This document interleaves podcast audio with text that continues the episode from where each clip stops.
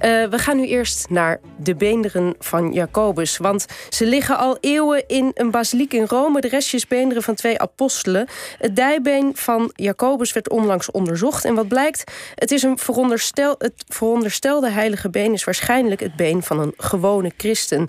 En professor Lautaro Lanzilotta, die het onderzoek leidt, die weet er alles van. Ja, goedemorgen professor, of, of uh, Lautaro Lanzilotta. Je weet er alles van. Een, teleurstelling dat het been van de heilige Jacobus... niet het been van de heilige Jacobus is... maar van waarschijnlijk een gewone huistuin- en keukenchristen uit de 6e eeuw? Nee, in principe niet.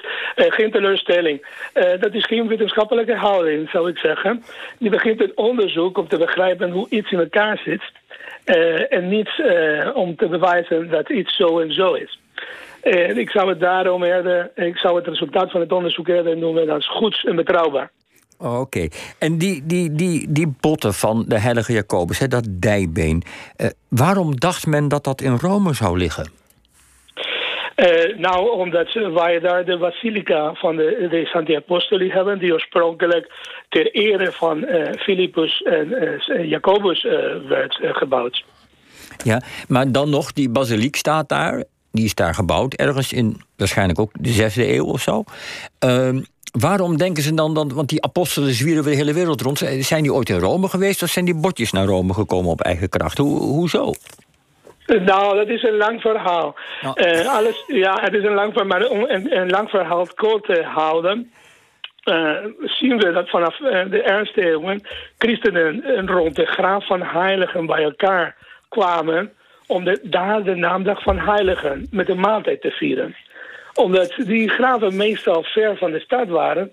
zien we eerst de, de, neiging om graven naar het kerkhof te verplaatsen. In, de, in een tweede stap zien we dat overblijfselen van heiligen... naar de kerk zelf, vlakbij de altaar, worden geplaatst. Om op deze manier uh, een nauw uh, verband... Uh, of link te leggen tussen de cultus ja, en de heilige overblijfselen. Ja, en, en het idee was dat als je als christen, als gelovige, iets dichter bij zo'n overblijfsel komt en misschien zelfs aanraakt of voorbidt, dat je dat ook weer kracht geeft en helpt door het leven heen. Wat, wat was het idee erachter?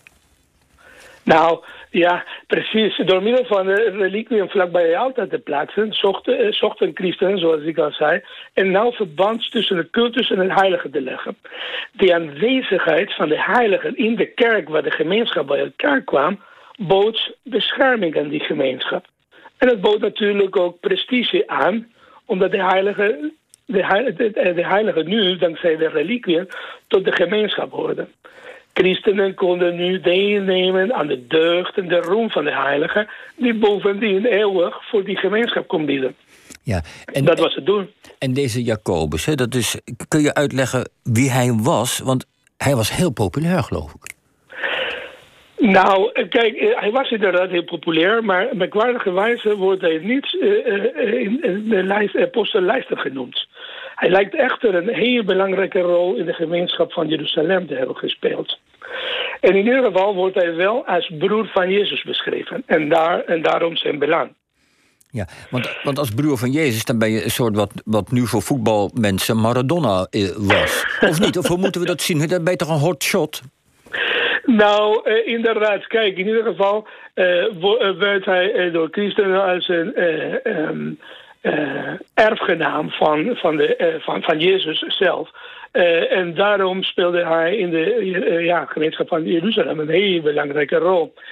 Maar natuurlijk, omdat hij in de teksten als broer van Jezus wordt beschreven, bracht dat de theorie van de eeuwige machtelijkheid van Maria in discussie.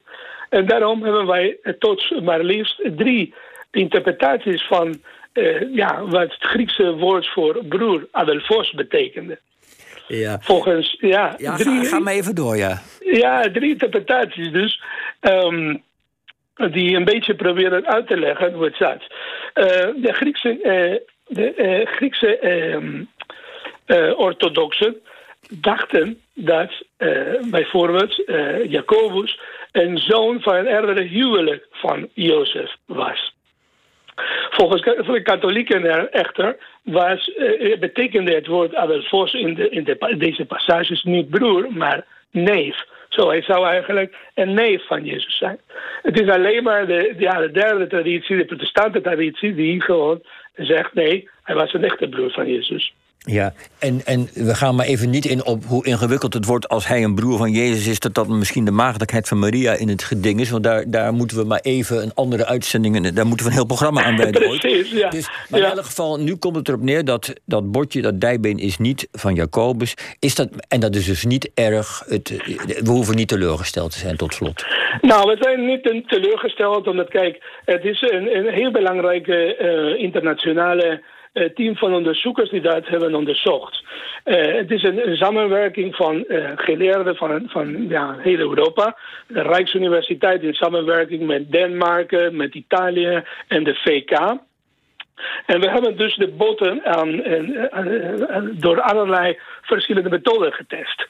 Uh, waarvan natuurlijk koolstofdatering de meest bekende is. Ik zal niet verder op ingaan op de verschillende methodes. En dat, leidt, uh, dat laat zien dus dat de, de, de reliquieën gewoon 150, tussen 160 en 250 jaar jonger zijn. En waarschijnlijk bij een andere christen horen. Maar dat, ja. En daarom kan hij dus niet van Jacobus zijn. Nou, het is heel mooi. Vroeger ooit bracht een bordje een hele gelovige gemeenschap in beweging... en nu de academische wetenschappelijke gemeenschap. Uh, zo zie je hoe geschiedenis werkt van geloof naar wetenschap. Uh, professor Laura, uh, uh, uh, dan ben ik je naam even kwijt. Die is te moeilijk Lautaro, Lautaro, Lautaro Dankjewel. En we, we, komen er vast nog wel weer een keer op terug. Dankjewel. Uiteraard, dank u wel. Ook bedankt. Dag tot ziens. OVT